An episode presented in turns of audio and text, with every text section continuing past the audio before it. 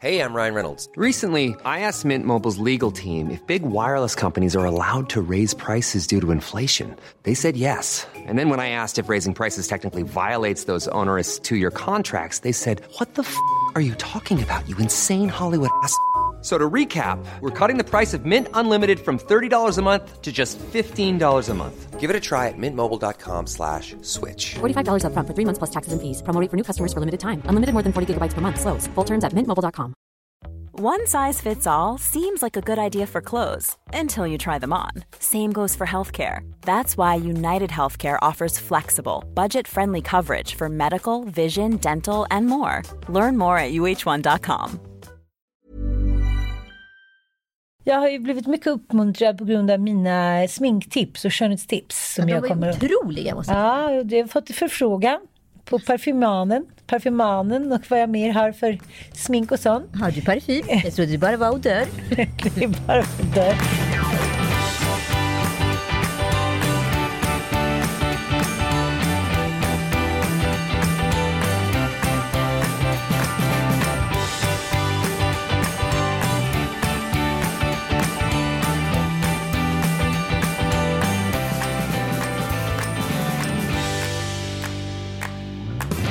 Valf... Valfborg. Valfborg. Var mycket god, mycket god. Vi checkade in på våran fantastiska Prins van der Orangen. Va? Prins van Orangen. Ja. Eh, den här lilla härliga båten som ägs utav eh, O-axeln. De har ju bara sex små kabysser. Jaha. Ja, och de är... Det är Båtliv? Ja, båtliv. Nej, men de är ju inredda som små, små eh, lyxhotellrum. Alltså de är helt sinnessjuka. Ja, men jag såg. Ja, och jag, vi bodde ju där förra året när vi firade två år. Nu är det, det faktiskt vår treårsfirning. Åh gud vad spännande. Åh, kan inte du berätta, vad är skillnaden mellan andra och tredje året? Är det någonting som har hänt i knullprestige, något som har hänt i romantikprestige? Berätta nu, gör en liten odyssé. En liten odyssé. Det började som en fars. Till att börja med så sa jag till Joel innan vi åkte, för jag hade ju också gjort det som en surprise till honom. Så sa jag så här, du kan fan med förvandla champagne till skit din jävel. Han är så jävla ängslig. Aha. Covid-ängslig? Nej, han är ängslig. Han tycker inte om överraskningar. Han är kanske den sämsta personen på jorden som skulle kunna njuta av en överraskningsfest. Jaha, men, men det där tycker jag bara är tråkigt. Där får man bara deal with it. För om man inte överraskar dem, då är det heller inte bra. Nej, precis så är det. Så han är 100% ohärlig innan för att han är typ ängslig och arg, oadresserat för att han inte vet vad som ska hända. Ja, och då blev jag förbannad som få och var så här, nu räcker det, fräs det till. Då lugnade han ner sig, då blev man, då blev man snäll, from som ett litet lamm. Då tänkte jag att jag skulle ta honom på en liten åktur på moppen. För jag har lurat honom och sagt pass och allt möjligt och håller, håller på här. Eh, och så, så åkte jag fram med moppen, så sa, nu hoppar du på tillbaka och så ska jag ta dig på en liten åktur. Och då tänkte jag, först att han ska bara få tro att det är ett lur och sen ska vi ta en bil och åka någonstans. Liksom. Men så åkte jag långt åt helvete ut på Djurgården, lyckades hamna fel så vi fick åka en liten gångväg, en stig med moppen och jag, hör- jag hör ju, det här är ju en man med mycket panikångest. Mm. Så jag hör ju, jag känner ju av panikångesten där bak när vi nästan håller på att åka ner i vattnet och sådana grejer. Det är ändå du som kör. Det är ändå jag som kör. Mamma kör alltid. Men, ja, cirka en timme senare, som i vanliga fall tar ungefär fem minuter, eh, så var vi ju då framme vid vid Prins van Orangen båten. Eh, Då är och det liv i luckan. nu var det liv i luckan. Nej men det, blev, det var glatt. Vi fick en jättefin hytt och eh, ja det var ju sol på däck så vi mm. käkade lunch på skroten. Så det ligger snett över där och sen så gick vi hem och chillade. Och sen var det dags för middag. Stopp, stopp, stopp. V- Vad menas i, i chilla och... Men nu är så orolig när du Ja. sådär. Ja, Nu tycker jag du snabbt går förbi. Är chilla och knilla samma sak? Nej, nej, absolut inget knilla, utan det var bara chilla. Och sen, ja, det var så kort tid, det var bara 45 minuter. Sen var det dags att gå till middagen. Och då hade jag, utav misstag, vid oaxen eh, Du menar att man inte hinner få till på 45 minuter? Eller? Jo, det är klart man hinner, men man ska göra sig i ordning också. Take five. Take five. Take five. Ja. Eh, och sen så hade jag utav misstag trott att vi skulle äta middag på Oaxens Slip som är liksom, vad ska jag säga, folkets restaurang. Men vi hamnade på lyxkrogen Oaxen krog. Där det är på en avsmakningsmeny. 20 rätter senare. Jätte, jättegott, alltså otroligt gott. Men jag är ingen bra på avsmakningsmenyer dels blir jag rastlös, jag får, får damp. Och sen tycker jag inte om att äta sådär mycket. Och Joel sa att jag ändrade ansiktsfärg ungefär 15 gånger under den här middagen.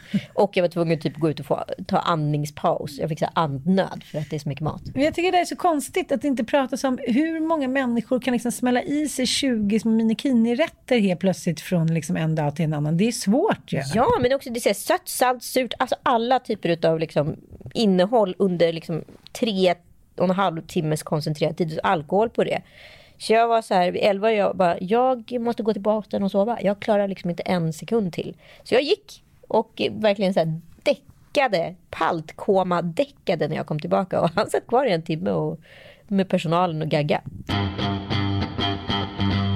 Men om man jämför då med förra året, var det, var det viktigare då att det skulle vara Nuppi Nuppi? För jag tycker att man liksom kan se så här från år till år lite vad som har hänt med så här relationsprestigen. Får jag säga så? Ja, nej men förra året var väl liksom lite viktigare med Nuppi Nuppi. Det var ju fortfarande två år, det vill säga men precis ur det nykära, men man har inte riktigt fattat att man är det, så man vill upprätthålla någon form av chimär. Ja, gud vad det där är intressant. Det där att man, man, man ser det inte riktigt komma. Och så, det är en liten sorg tycker jag, att när det där liksom första galenskapen har gått över och man märker att det är så här att det var inte så himla viktigt att ta höjd. Alltså att man blir inte besviken om den andra kanske inte eh, börjar förföra en. Man, man, man, man dör inte om man inte känner sig 24-7 åtrådd. Precis. Mm, och jag dog inte Nej. det här året alls, inte på något sätt. Och njöt dessutom otroligt mycket av ensamheten. För eh, det kan jag tycka, alltså jag älskar ju att vara jag älskar ju faktiskt när Joel tar små powernaps. Alltså ofrivillig ensamhet har vi ju pratat om. Det är ju det värsta på jorden. Då vill man ju dö många gånger om. Men frivillig ensamhet är ju typ det bästa som finns. Mm. Jag håller med, men, men den är så, äh, den är så, de är så olika de där två ensamheterna. Det finns ju så många tusen olika ensamheter. Men jag, jag tänkte på det där eh, med åtrå, för jag läste eh, en liten, eh, liten bok, en liten novell av Bodil Malmsten, faktiskt till frukosten. Eh, och Bodil Malmsten är ju liksom en jävel på att inte romantisera saker och ting.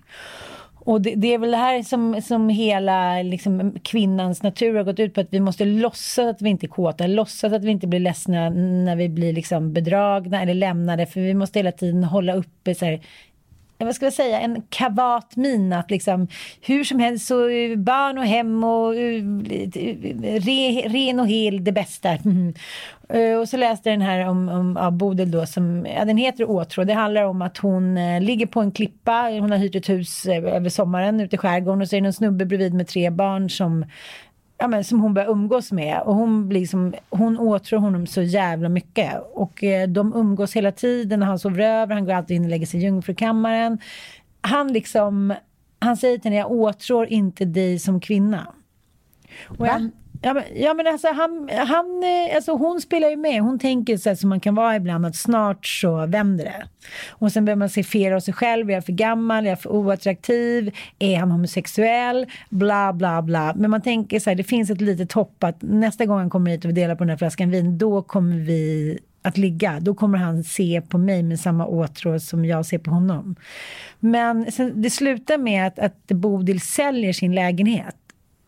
För att hon tycker att det blir liksom så jävla oförlöst. Jag har gått omkring där i månader med honom. Först du, du liksom i skärgården den där jävla varma sommaren som var för, vad är det nu, eh, ja, fem, sex år sedan. Och sen så in i stan och han bara säger så här, jag åtrår inte dig på det sättet som, eh, jag åtrår inte dig som kvinna.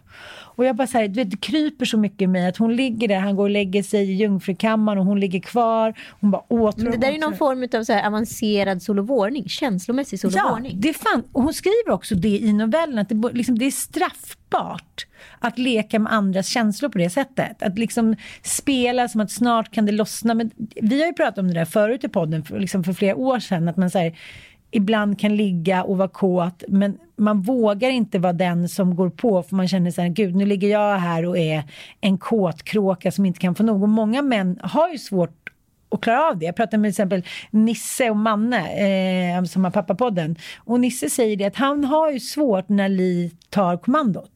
För att han vet hur det ska funka, han ska förföra henne och sen ska de ligga på det liksom tydligt klassiskt manligt kvinnliga sättet.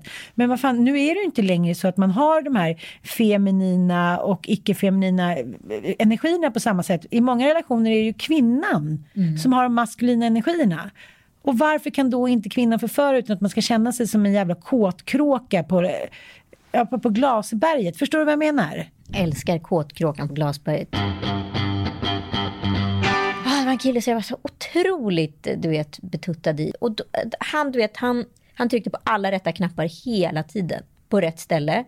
Och liksom, det fanns ju inte Instagram, jag hade en blogg och han var ofta inne och kommenterade. och liksom, eller skickade ett sms och skrev så det där var roligt det du skrev och vad snygg du var på den där bilden och så vidare. Alltså hela tiden upprätthöll någon form av så här att jag då ska känna mig åtrådd. Och jag har ingen aning om han gör, gjorde det för mig eller om han gjorde det för sig. Men som jag tolkade signalerna då så var det för att på något sätt hela tiden hålla mig Ge mig konstgjord andning. Mm, men jag fattar.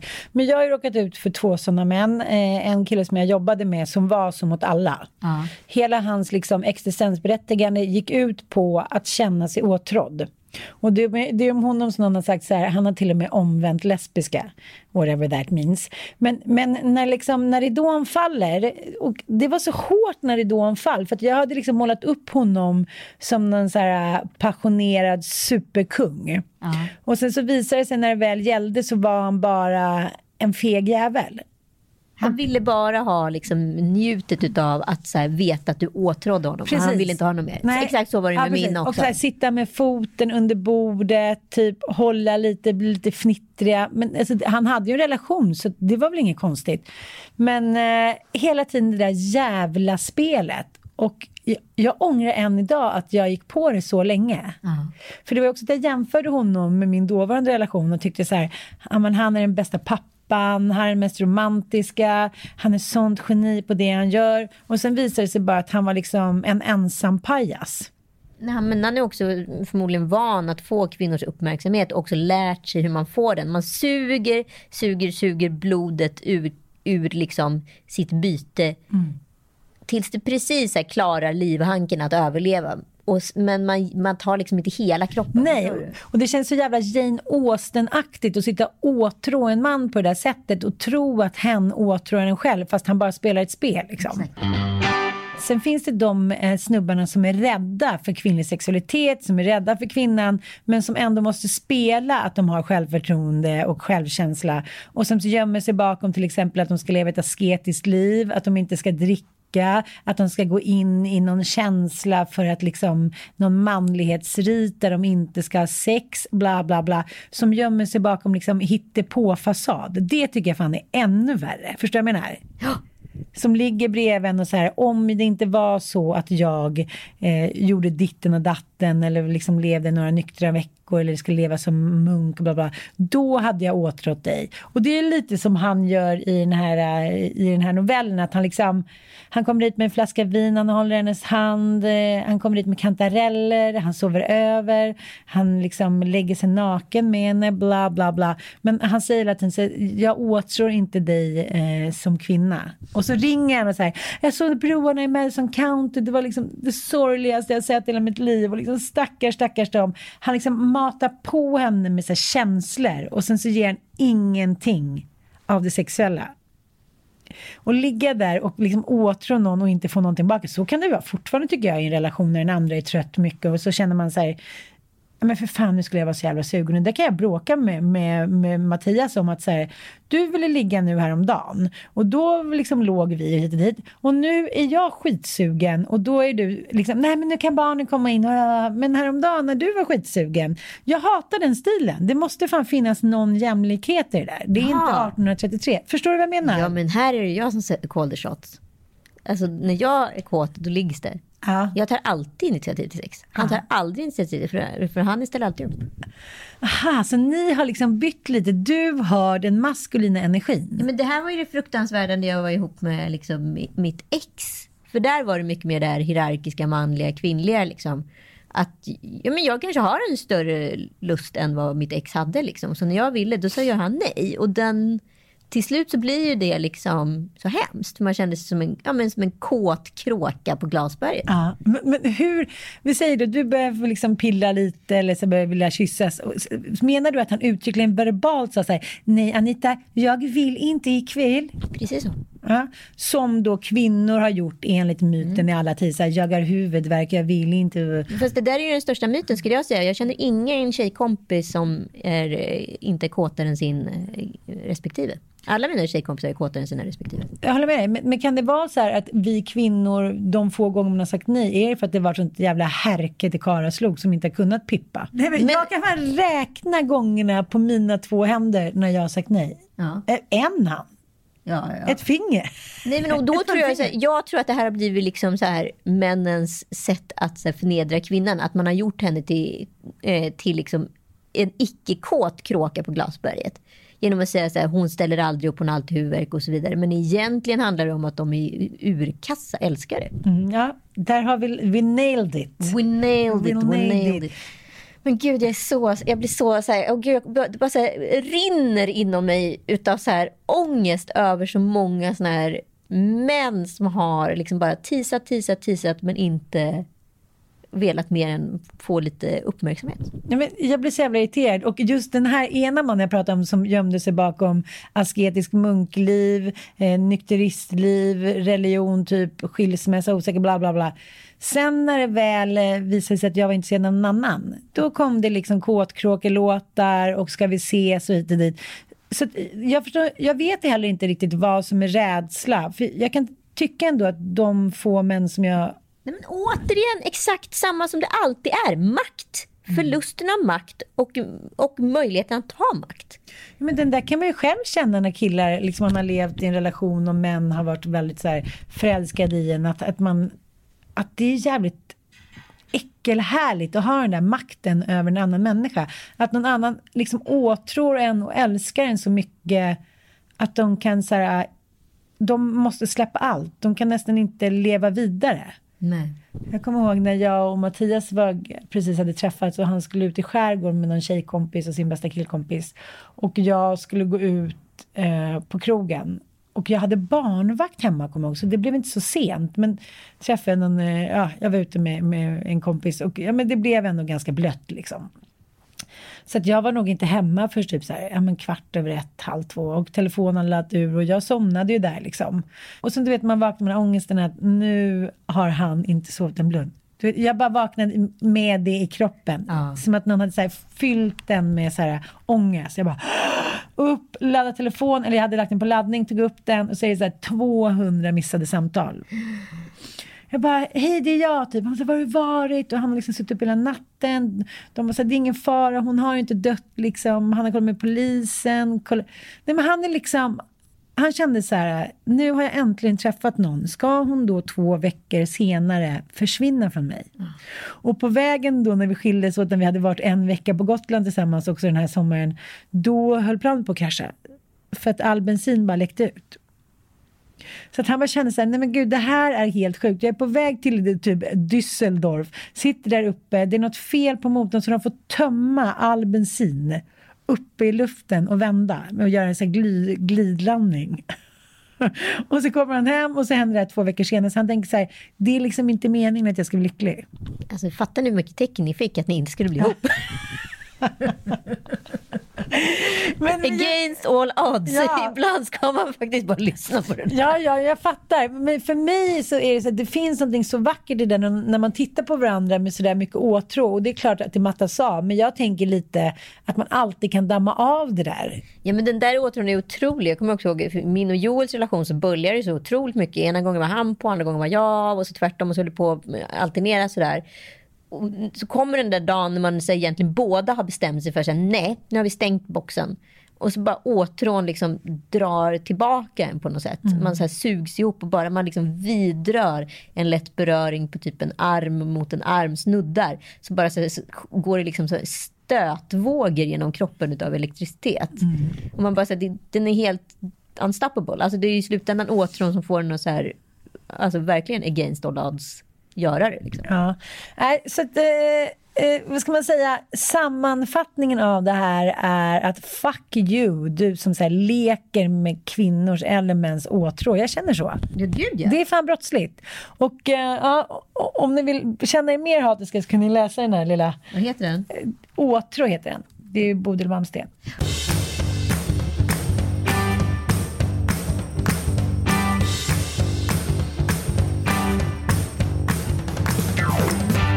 Tillbaka till min eh, fantastiska eh, båtweekend. Hur som helst, eh, Joel hade ju då dru, eh, druckit, på, druckit punch med personalen på småtimmarna. Nej, och då vaknade jag såklart tidigt och vi åt frukost ganska tidigt. Och det var jättefint väder. Han blev lite trött. Det är det bästa. Det här är egentligen det bästa. Det här är det bästa jag vet i hela livet. Att återvända till sängen efter frukost. Det är ju bara en lyx man kan unna sig på en helg. Eller när man liksom är barnfri eller så vidare. Men jag hade ju mycket energi eftersom jag då hade sovit på rejält. Så, jag, det bör, ja, men, så här börjar det. det här, jag älskar den här självvalda ensamheten. Jag kan ju ha så roligt med mig själv. Så att jag kan, ju- jag kan ju sitta hysteriskt och skratta själv som en dåre på kammaren. Jo, men alltså, du gör väl någonting? Du sitter väl inte bara som Nej, en men, människa rätt upp och ner? ja, men helt plötsligt. Ja, men, och så hamnar man i en situation där, du vet, du vet att du är exakt likadan här. Ja, Ja, ja, men- kreativitetens moster dyker upp. Man bara, man, då hittar man en liten så här fjäder bakom örat som man måste så här, ut och vädra. Ja, men antingen så, för mig uppstår det alltid på samma sätt. Antingen är jag i en miljö som är extremanpassad. Eller så hittar jag någon form av rekvisita som är extremanpassad. Och då går man in i karaktär.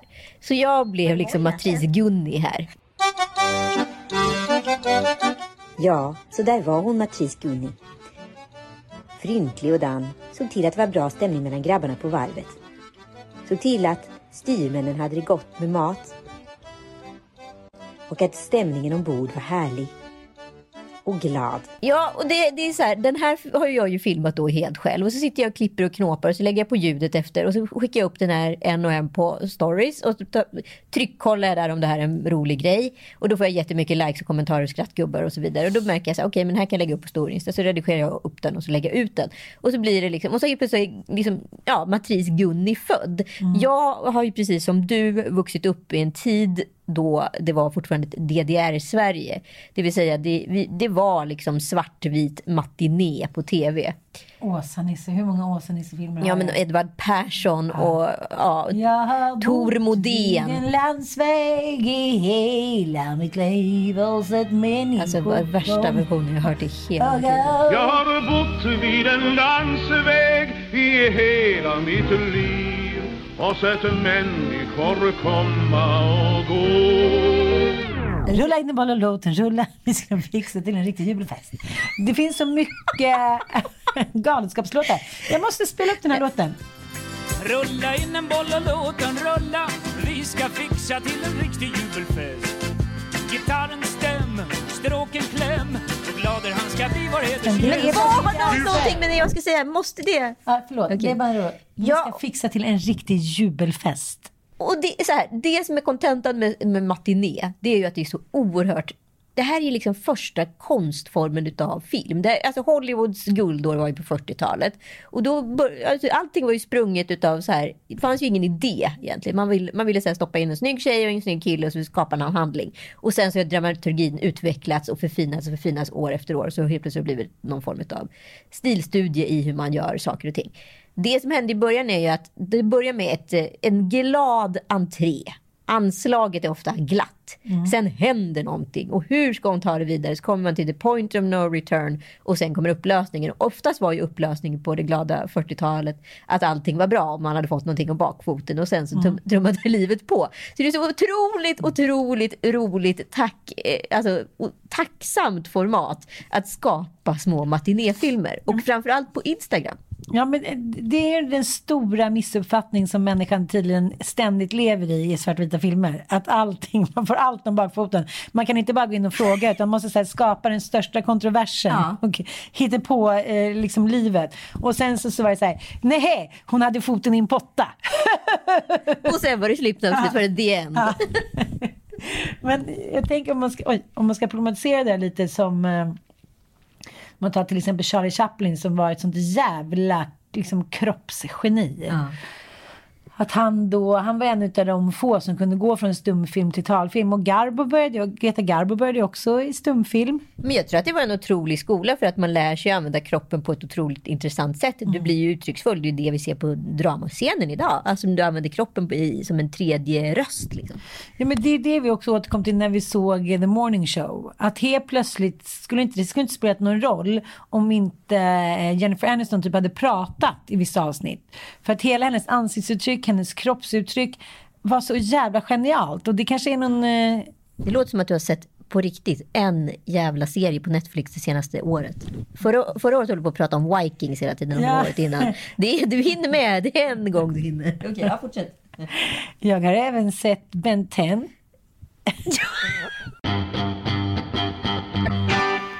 Instagram är ju så att alla människor får sin egen röst och tv-kanal. Eller sociala medier generellt.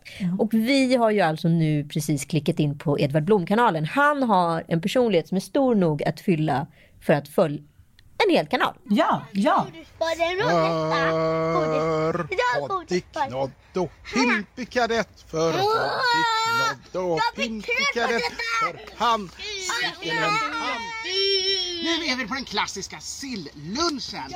Och typiskt för den är ju att man alltid drömmer om att det ska vara varmt och skönt och man äter den utomhus. Väldigt många valborgar är det kallt. Och det man firar in på valborg är ju det känns som att vi har lite olika takes på det här. Nu när jag ser det igen så tycker jag liksom att det är lite mer underhållande. Men min första så här, medberoende anhörig, själv vuxit upp med en pappa som har druckit för mycket så får jag ju panik. Att när alkoholen och det roliga, festliga balunsen kommer in så försvinner tid och rum. Alltså, man hör de där barnen skulle ju kunna liksom ha tänt eld på sig själva. Han skulle fortfarande bara, då ska vi se med silla, sillaburken. Nej men alltså där barnen sitter och skriker och jag får så här, jag får lite dysskänsla. Men jag fattar vad du menar, men jag kan ändå vara så här, gud vad är det för jävla PK-samhälle? Sitta, titta utifrån och in och då liksom analysera så här, hur deras familj mår. Det måste ju ändå liksom någon annan göra. Ja, han dricker alkohol med barn, jag märker det. Och det får man ju ta på vilket sätt man vill och uppleva olika. Jättemånga klarar inte av det, men det jag tycker liksom räddar Edvard, det är att han då sänder sista sändningen utav det här eposet utav 11 eller 12 inlägg som då han går igenom varje moment för dagen vid midnatt och då är han liksom nykter. Men, men å andra sidan så, nej, det kanske han inte är, men det vet vi inte. Jag har ju liksom umgåtts med så många människor som har druckit alkohol så frekvent att de kan dricka eh, liksom sju flaskor utan att det märks. Jo. Så det vet ju inte vi. Men är det så här, jag, jag får ju inget, jag får ingen upplevelse utav, om vi nu använder titta utifrån och in, att han är otrevlig mot barnen, att han inte låter barnen vara delaktiga, att han, de är frustrerade. Alltså så här, Nej, han- han är typ en, en eh, allt från eh, årtidens eh, begynnelse till 1980 ungefär. Eh, barnen är inte i fokus, de är aldrig i fokus. Nej, det, men det är en, eh, en otroligt traditionalistisk pappa. Och så har ju vi vuxit upp med våra fäder. Har det gått åt helvete för oss? Ja. Nej, men det är klart att han är underhållande. Men, men jag tror att det är, jag vet inte om, om du har vuxit upp med någon som har druckit för mycket. Men ja, det är just det där som jag får lite ont i magen av. Det är där, Men dricker han för mycket? Det är det jag undrar.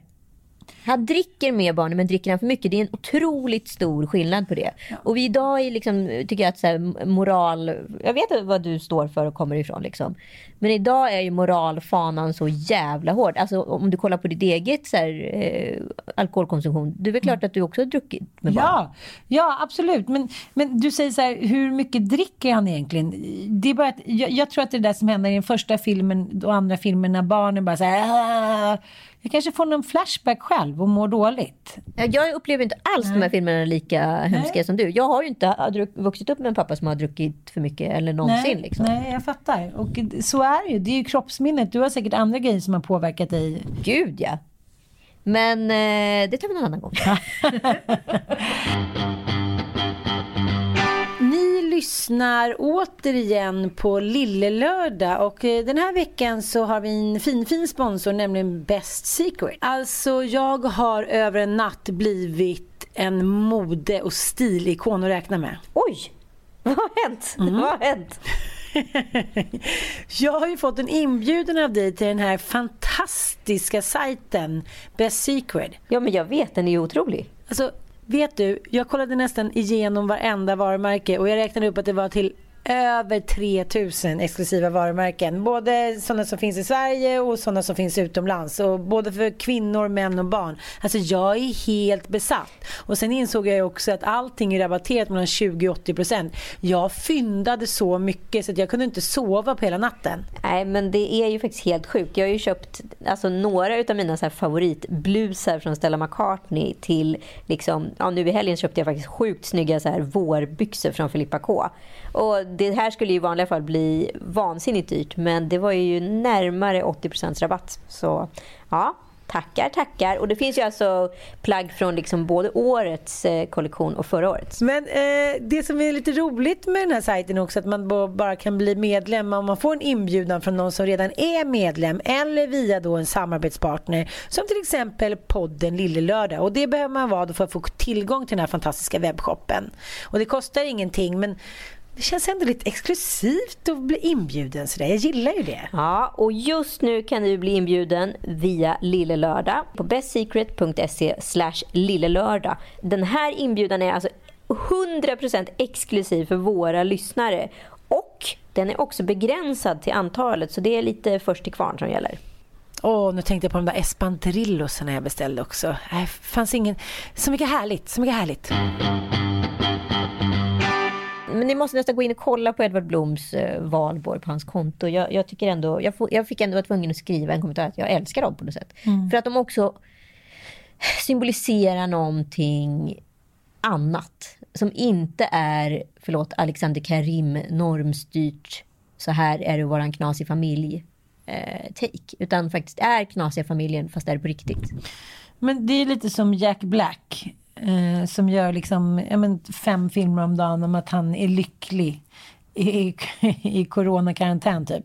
Nu har han faktiskt gjort en liten sång som är den första taken tycker jag under hela den här kristiden som jag kände så här jag fattar vad du menar. Det var fint. Det var en fin liten sång, Jack. Jag förstår vad du vill säga med den lilla covid-19-sången. The five needs. You know, There are only five needs. Kyle and I wrote a song about them. It's a little song called The Five Needs. First, you need the planet, Earth beneath your feet. You couldn't live an instant without that. Then you need the air Oxygen to breathe. You couldn't live five minutes without that. Then you need the water, the icy cold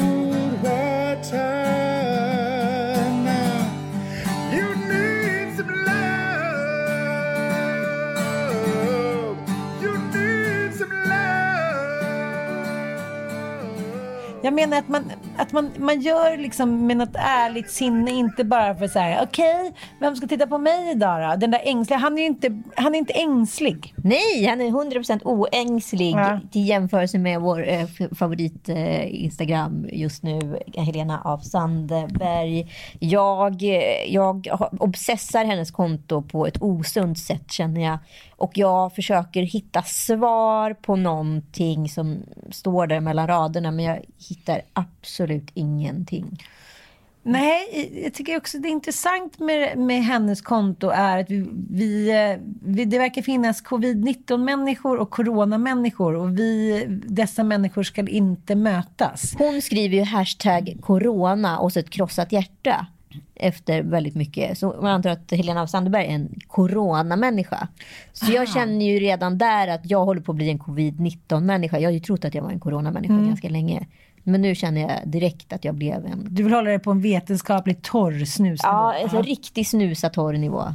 Men okej, okay. det, det, det, där är väldigt fascinerande just den där bilden. Den är alltså sensatt med en bild ja, nej, hon har väl inte bara, det är väl inte bara en bh, utan man ser väl hennes ansikte också. Ja, det, det man ser hennes ansikte också. Lycklig en hotellsäng efter lång film där för inte alls länge sedan. Men det här är vissa människor som beter sig som att det här har pågått faktiskt nästan i fem år. Ja. Och de inte har sett en enda människa. De har liksom, allting har tagits ifrån dem. Och jag kan tycka att det är lite så här koketterande mot så många länder där de faktiskt fan inte ens har fått gå utanför dörren. Precis, jag tycker alltså just Sverige ska vara riktigt försiktiga med den här typen av inlägg. Men sen är det något annat som fascinerar mig, bortsett från alla corona, hashtag corona krossat hjärta inlägg, är det den här hemlige fotografen som dyker upp. Och den här hemliga fotografen, det ser man på flera olika konton, men på Helena Sandebergs konto är den här hemlige fotografen frekvent. Den dyker nämligen upp i de mest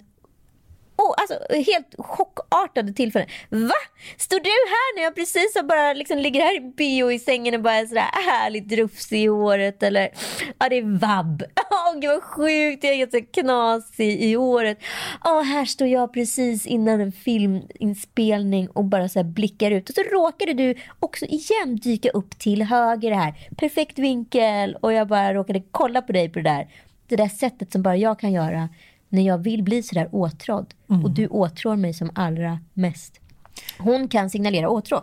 Men, men kan det inte vara också att, det, liksom, att hennes liv lider brist på åtrå? För jag kan tycka att det finns, om man kollar på Instakontona rent hur man använder det, så här, om du menar nu bildmässigt, så är det vissa som är så väldigt hands-on, typ Jack Black liksom, han sjunger, han gör roliga små sketcher, han visar sin verklighet, han sitter framför poolen, han käkar en macka. Och så finns det de som står och hackar liksom, ja, men, apelsiner i ett kök eller som ligger i spets-bh som på något sätt vill liksom använda det, inte till att kanske sälja in sig själva men att så här, Ja, men visa att de behåller värdigheten och fräschören till skillnad mot oss andra. Ja, men jag tycker att så här, det Jack Black gör nu om man jämför eh, hans liksom, härligskap med Helena Sandberg. Hon thirst trappar ju. Hon mm. tittar ju på någon på andra sidan linsen som kanske är flera stycken olika. Men hon pratar ju inte med några kvinnor. Hon vänder sig direkt till männen. Hon kan både vara fotboll och hon kan vara... Frivol. Ja. ja. och frivol, berätta vad det är. Ja. Men frivol är ju när man är så här... Ja, men, inbjudande. Ja. Man, man möter upp liksom flört flörtar och eh, man, man, har en öppen och härlig liksom, energi i sin sexualitet och sin kvinnlighet. Man är frivol. Ja, men då, då så här, det, det är grabbarnas tjej. Förstår ah, du vad jag ah. menar? Verkligen så här, grabbarnas tjej. Som jag bara så här, jag är både sexig och sober. Men så tar man av sig liksom, fotbollsshortsen och då är det en liten spetsalering där. Ja, precis. Ah, precis. Och, och, och grejen är så här, jag vet att det här är en uh, ljuvlig person. Jag vet mm. att det här är en ljuvlig person. Men det är ju jätteofta så här på Instagram. Att vissa personer som är ljuvliga deras Instagram-alter-egon är 100% jag står inte ut människor. Mm, mm. Ja, det är märkligt. Men det kanske är det här, the lack of åtrå. Och apropå corona, eh, covid-19, förlåt, eh, så har jag faktiskt lite frågor. För jag, jag var nämligen med om ett dilemma här i förra veckan. Eh, där jag och en väninna ska gå och äta frukost på restaurang. Och då, eh, jag har ett stammisbord på min, eh, mitt stammishak och jag är på väg mot mitt stammisbord. I i andra änden av mitt stammisbord så sitter, det är två olika bordsgrupper om man säger så, men det är fasta möbler. Så det går inte att flytta om. Eh, så sitter ett par eh, i Paris-sittning, eller så bistrosittning, du vet man sitter bredvid varandra. Mm. Och säger ursäkta, men vi har fått den här delen av restaurangen för vi är så oroliga för covid-19. Eh, så ska ni vara vänliga att ta platsen någon annanstans? Vi blir så perplexa, jag och min väninna, så vi gör det. Sen ångrar jag mig så fruktansvärt mycket i efterhand. För att så här, här är det nu lite folkvett och etikett-test an. Ett, ska de, stanna sig, ska de stanna hemma om de är så coronarädda? Två, kan de ta upp så många platser i en restaurang? Det vill säga, det var ungefär tio platser där omkring. Eh, betalar de för de andra sittningarna? Är det restaurangens beslut att placera folk? Eller hur ska man hantera det här? Jag tycker det är så roligt för att om, om man ska se svenskens modell, eh, den svenska modellen så ser man ju så bilder där folk har smygtagit bilder på folk som står och väntar på bussen och alla står exakt millimeteraktigt två meter från varandra. Vi har liksom hanterat den här modellen. Jag tänker på Sydafrika och Italien och alla som precis ska öppna upp. Det är inte så här som i Sydafrika ökar ju, ökar ju corona bara. Men vad fan, de säger så här, vad ska vi göra? Vi liksom, det finns ingenting, finns ingen ekonomi kvar. Antingen så öppnar vi upp nu eller också så, så här, går vi alla under. Ja. Så jag kan tänka den svenska modellen, jag tycker att den har varit genialisk från början. Sen hade det varit så hade det varit liksom 500 000 människor som liksom låg som spanska sjukan i dikena och dog. Men, men det som händer efteråt, jag tror att den där rädslan som vi alla har gör ju att man säger direkt nu ska vi visa, vi ska visa att vi är resoluta och jag förstår ju Sydafrika liksom i och med hiv när de började göra åtgärder alldeles för sent. Att så här, den nuvarande presidenten var livrädd att visa att han inte hade cojones. Liksom. Men, eh, men jag tänker så här, det blir också otrevlig stämning. De sitter och ska ha en härlig middag, ni ska ha en härlig middag. Om ni bara sätter er ner som två så här motvallskärringar bredvid dem Nej, men hur, vad skulle det då blivit för middag? Nej, det skulle en inte bli vidrig någonting. middag. Mm. Å andra sidan säger så här, jag tycker att min högst personliga, privata åsikt är så här, men så här, om du vill leka får du leken tåla. Gå ut då, då får du ta att du kanske får corona eller också så stannar du ta mig fan hemma. Ja, men kan man verkligen reglera alla andras liv på grund av att man själv är rädd? Jag har ju Nej. varit med om att ta- tantaluringar som går på gatan och viftar med ett påskgris. Så, som en cirkel runt sin kropp så att man inte ska gå nära henne. Är det verkligen jag som ska akta mig för henne för hon är högriskgruppen? Är det inte hon som ska akta sig för mig? Alltså det här jag menar, om du är rädd, stanna hemma. Eller Mm. undvik människor. Tvinga inte människor att undvika dig. Det är lite Aj, aj, aj. Maybe. Nu låter jag som Louis CK. Maybe, but maybe. It's become a category in my brain that I call, of course, but maybe. Det är lite som att så här, alla skulle sätta sig i en rullstol och åka runt. Ja, men förstår du vad jag menar? Ja, men jag fattar, jag fattar. Men, men jag tänkte på det när vi, du tipsade om, eller gjorde du inte alltså. Men jag tänkte på det, den här dokumentärserien som vi båda är väldigt fascinerade av, Guldfeber. Ja, fantastiskt. Eh, och till syvende och sist, det handlar om eh, chefen för myntkabinettet eh, i Stockholm som har liksom snott så jävla mycket mynt och sålt helt öppet. Han och en annan kollega, ovetande som att den andra gjorde det. De har liksom sålt Mynt mynt, för som- 25 miljoner. Ja, som vi aldrig, aldrig, aldrig kommer kunna hitta igen eller få tillbaka. Det har liksom varit vår jävla svenska så här, myntskatt som de säger, woohoo! Och, och det, då tycker jag i syvende och sist så, så handlar det jävligt mycket om ensamma människor som gör galna grejer.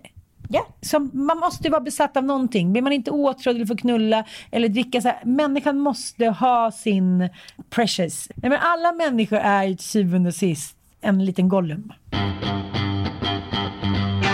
Man är så rädd, då får man ju inte gå ut på krogen. Herregud, det handlar om två månader. Man, man kan köpa hämtmat, de kan gå ut och sätta sig utomhus och käka. Det är maj. Nej, jag, jag tycker inte att man kan liksom diktera. De får väl göra det om det är deras egen krog. Vad då betalar de då 5 000 kronor extra för de som skulle... Liksom, jag fattar inte, hur var upp, upplägget? Nej, jag förstod inte heller. Och det var ju så här, någonstans skulle man ju kunna säga här att här skulle jag rimligen krogpersonalen gått in och sagt så här, det här är de här reglerna som gäller. Men de gjorde inte det, utan de hade liksom mutat in sig i det hörnet och sen satt de där. Och så var det fullt i övriga delen av restaurangen. Eh, så att där satt ju vi innanför den här två meters gränsen under tiden de satt helt själva i en helt isolerad del. Ja, men ni, ni måste kolla på den här myntkabinetten. Ska vi prata väldigt mycket mer om den eh, nästa vecka. Guldfeber heter den. Och jag tänker verkligen på, det finns ju något så här, det finns en liten Vanheden och Sickan i oss alla. Du, har, du och jag har ju konstaterat det för länge sedan att du är Vanheden och jag är Sickan. Men vi, alltså, det, det blir vad det blir på slutet. Ibland blir det bra, ibland Ja. blir det inte bra. Och det blir liksom, ja, men jag tror också i den tid vi lever nu så finns det så här, där finns ju resten av ett gammalt Sverige. Att de här cheferna kan gå in i myntkabinettet både i Göteborg och Stockholm.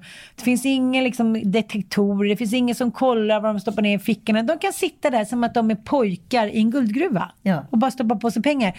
Och det vet väl du själv, alltså man har jobbat till exempel där pengarna bara flödar och det finns ingenting som ska slås in i någon kassa utan man bara ska ha det i någon liten så här skinnpung eller all drick står där. Det är ju svårt för människan, vare sig man har liksom god ekonomi inte, att låta bli när, liksom allt, när härligheten bara ligger där. Ja, men också Marshmallow-testet är ju det, världens bästa exempel på det. Någon säger så här, hej lille Pelle, du får två marshmallows om du kan vänta två minuter på att checka upp den här marshmallowsen.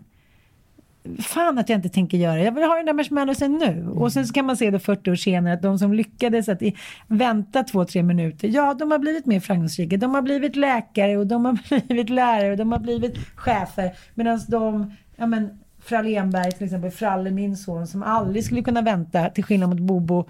Ja, de har inte blivit lika framgångsrika. Nej. Nej. Nej, så är det ju.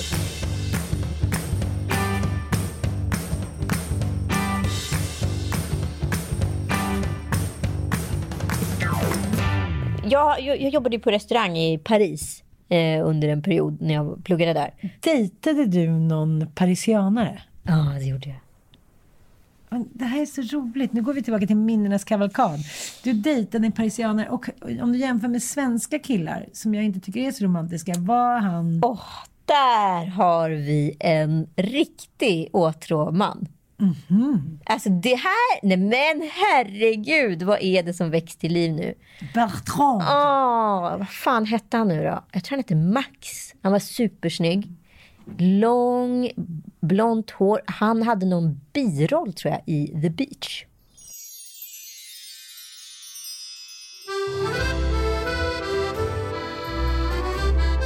Han skulle då på premiären utav The Beach när den kom till eh, Paris. Ja, och där skulle ju Leo vara, alla vara där. Så han, eh, och vi har ju börjat hänga och umgås och liksom allt varit bra och jag bodde där med min kompis Linda så vi bodde där ihop. Vad som har hänt mellan raderna vet inte jag. Men helt plötsligt när han då, vad jag tror är, ska komma och hämta mig till den här fantastiska premiären. Sen, nej men jag ska inte gå med dig, jag ska gå med Linda. Nej! Nej! Så där står jag på gatan och min roomie, tillika så kallad bästis Linda, hoppar på hans skoter och sticker på Leonardo DiCaprio-premiär utav The Beach. Alltså den thirst trappen, åtrån, alltihopa. Du vet, jag tror aldrig, jag tror aldrig jag varit så förolämpad i hela mitt liv. Och jag tror jag har snott någon gammal kille från Linda så jag tror att hon såg det som den perfekta hämnden på mig som bara kom serverad som lika iskall som en, eh, som en liksom, Wow! som en martini. Okej, men nu måste jag bara fråga så här. Jens hette han. Ja. För jag var ju ihop lite med en kille när jag bodde i LA som eh, hade en biroll i 92010. Nej men 90210. Ja, Fortfarande. just det, just det. Ja, hur kan du inte lära dig det här efter han alla kanske- dessa år? Han kanske inte var med i den riktiga serien. Åkte de verkligen till premiären av The Beach som var ändå en liksom smällkaramellfilm på 90-talet? Mm. Du är säker på att de gjorde det? De gjorde det, men de var bara på premiären och sen stack de någon annanstans. Alltså de var bara på minglet och sen stack de någon Aha. annanstans. Och, eh, och De var aldrig på efterfesten. Nej, men alltså, den, det här är ju verkligen 200 gånger en gång att som eh, Bodil Malmsten skrev att man går och lägger sig och tror att det ska pippas och så går den andra in i ett annat rum. Och man säger he, he, he, he. Liksom, vad gör man av de känslorna? Vad gjorde du av dina känslor? Men jag, jag var ju också, så, Kommer du ihåg? ja, men jag var ju också så 22 tror jag, eller 22, jag skulle fylla 23. Jag var ju i upplösningstillstånd. Alltså han var ju min dejt. Det var ju jag och han. Det var ju så här, det hade inte hänt någonting, det hade inte hänt någon kuckelimuck överhuvudtaget. Vi hade setts ute, hängt ett par gånger, han hade hängt med både mig och Linda. När vi så här ska gå på premiären så tror vi liksom, eh, ja, jag är helt säker på att det är jag och han som ska gå, men han vill gå med henne och väljer henne. Nej men vadå, ni stod där och han kom med sin eh, mopedemus och hon hoppar upp. Ja. Nej, men det här låter för filmiskt, var det verkligen det så? var, det var, alltså du vet så här, jag tror aldrig jag haft en längre haka ner i gatan. Alltså du vet så här, hon bara okej men då åker väl jag då. Och sen hoppar de på helt iskallt och ja. De susar ut i Parisnatten. Men och vi, er vänskap sen då? Den är, det var så sådär. Nej men vi, alltså, nej men den var, det var en ganska stökig vänskap oss två emellan. För att vi var ju så kallat bästa kompisar men det fanns mycket underliggande ilska mellan oss liksom. No shit Sherlock. Mm. Ja. Vi kan återkomma till den en annan gång tycker jag. Om jag fick välja vem jag ville att leva i karantän med. Och det får inte vara någon man känner väl. Vi tar en historisk, en historisk och en levande då. Det hade inte spännande att leva med Darwin tänker jag. Ja, för fan vad spännande. Carola skulle jag vilja leva Men gud, jag skulle få panik. Det är en mardrömsperson att leva i karantän med. Tror du? Jag tror att det skulle kunna hända grejer. Jag, jag, jag kan aldrig glömma när hon var med i Så mycket bättre och hon börjar med och i, i kläder kasta sig ner på en uh, luftmadrass i poolen. Och Det var inte ironiskt älskling. Nej, men hon är inte ironisk. Hon vet inte vad ironi är. Nej, det kanske passar mig där då. Och någon historisk person, då skulle jag nog vilja leva med... Um, och det vill ha en tjej, tror jag. Um, någon författarinna. Kanske... Åh, Selma Lagerlöf. Jag skulle välja Jane Austen. Mm. Då kanske vi kunde ha tjejmiddag. Över Zoom. Zoom. Jag kommer alltid frakta människor som har AV och middagar över Zoom. Jag kommer alltid göra det. Varför då? Nu låter du så himla inskränkt. Nej, för jag kan inte liksom, jag kan inte bli en människa som sitter framför en skärm och partar. Nej, men vi gjorde det accidentally faktiskt. I Aha. fredags. Vi ringde upp eh, Joels föräldrar och klockan var vid, vid sju. Och tänkte inte på det. Och så slutade det här samtalet det bara pågick och pågick och pågick. Så att de var tvungna att äta under tiden och det var vi med. Så helt plötsligt satt vi och hade en coronamiddag. Jaha, hur var det då? Jo men det var inte så... Joel sa att han hade fått någon nästan så här... Han märkte att han var svettig under armarna efteråt. Jaha. Att han fick ett stresspåslag under tiden. Jag tyckte inte det var så större skillnad på att vara eh, hemma där. Det är klart att det är skillnad, förstår du vad jag menar? Men samtalen hade ju samma böljande effekt. Det var inte som ett telefonsamtal. Men vadå, blev han stressad av att han inte var in IRL eller? Jag tror det. Jag tror Ja. det. Att han kände att han var tvungen att... Jag märkte att han var liksom, försökte spexa lite mer än vad han kanske rimligen skulle gjort annars. Ja, men det här måste ju också vara så otroligt olika för olika. Tänk dig människor med autistiska drag som ska sitta i så här Zoom-möten. Jo men Google hej, tror du det är lätt för honom? Eller? Nej, gud. Nej, för fan vilken mardröm. Nu corona kommer pågå i två år, eh, vilket alla rapporter säger att det ska göra. Då kommer vi behöva anpassa vårt liv på ett nytt sätt efter det. Det finns ju liksom ett innan och ett efter corona. Så kommer det ju vara oavsett vad som händer sen.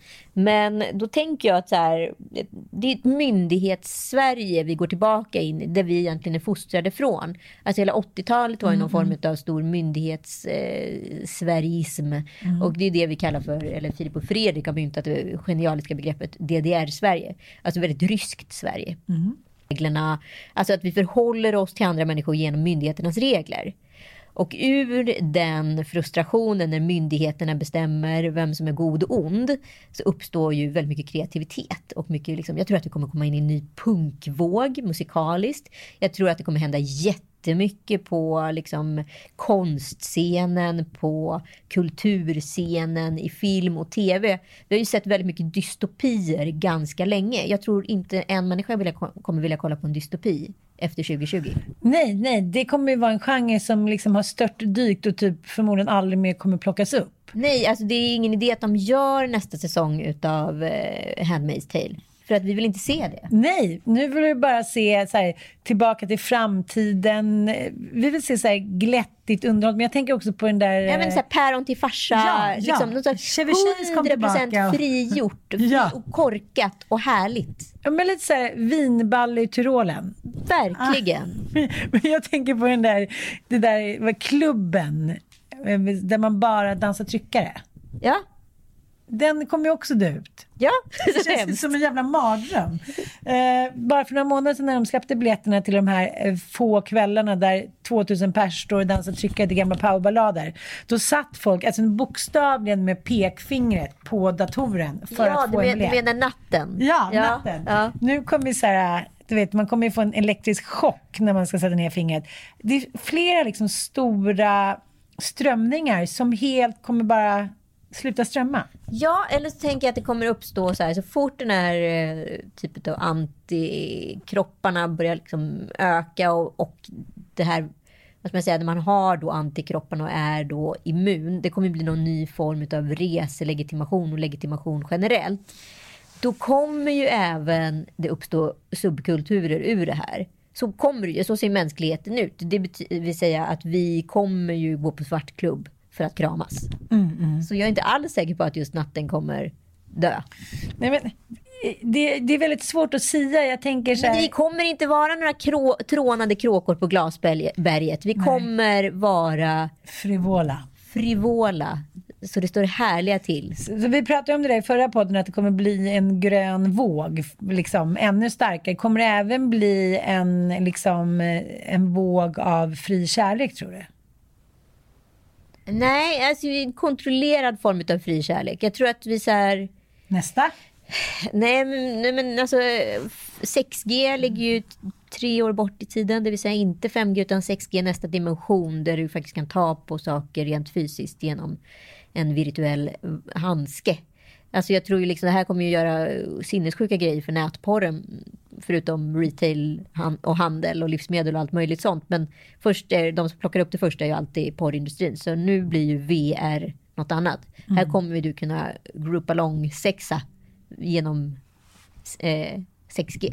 Ja, inte så intresserad av sånt. Men jag, eh, Mattias och hans killkompisar. Nej, men det är den frigjordheten som kommer ske. Alltså ja. du kommer bli sexuellt eh, galen genom VR. Men jag tänker, skulle det kunna bli lite som i början av 60-talet? Om du tänker om vi tar Beatles som eh, någon form av liksom, pandemimaskotar.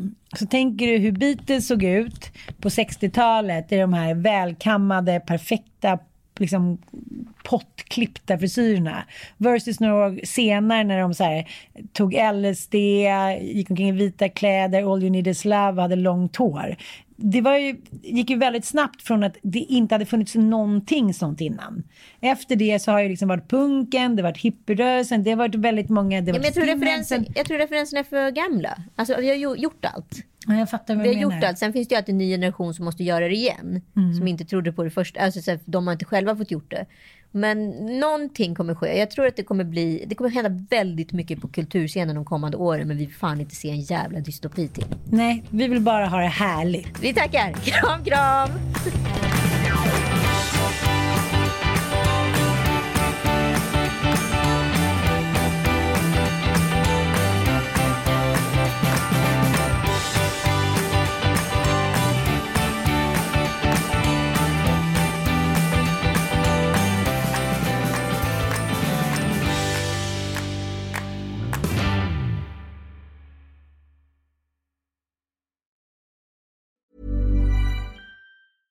Hey, it's Paige DeSorbo from Giggly Squad. High quality fashion without the price tag. Say hello to Quince.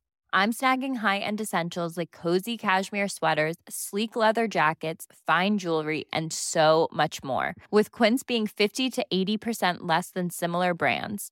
And they partner with factories that prioritize safe, ethical, and responsible manufacturing. I love that. Luxury quality within reach. Go to quince.com slash style to get free shipping and 365 day returns on your next order. Quince.com slash style. Imagine the softest sheets you've ever felt. Now imagine them getting even softer over time. That's what you'll feel with Bowl and Branch's organic cotton sheets. In a recent customer survey, 96% replied that Bowl and Branch sheets get softer with every wash. Start getting your best night's sleep in these sheets that get softer and softer for years to come. Try their sheets with a 30-night guarantee. Plus, get 15% off your first order at bowlandbranch.com. Code BUTTERY. Exclusions apply. See site for details.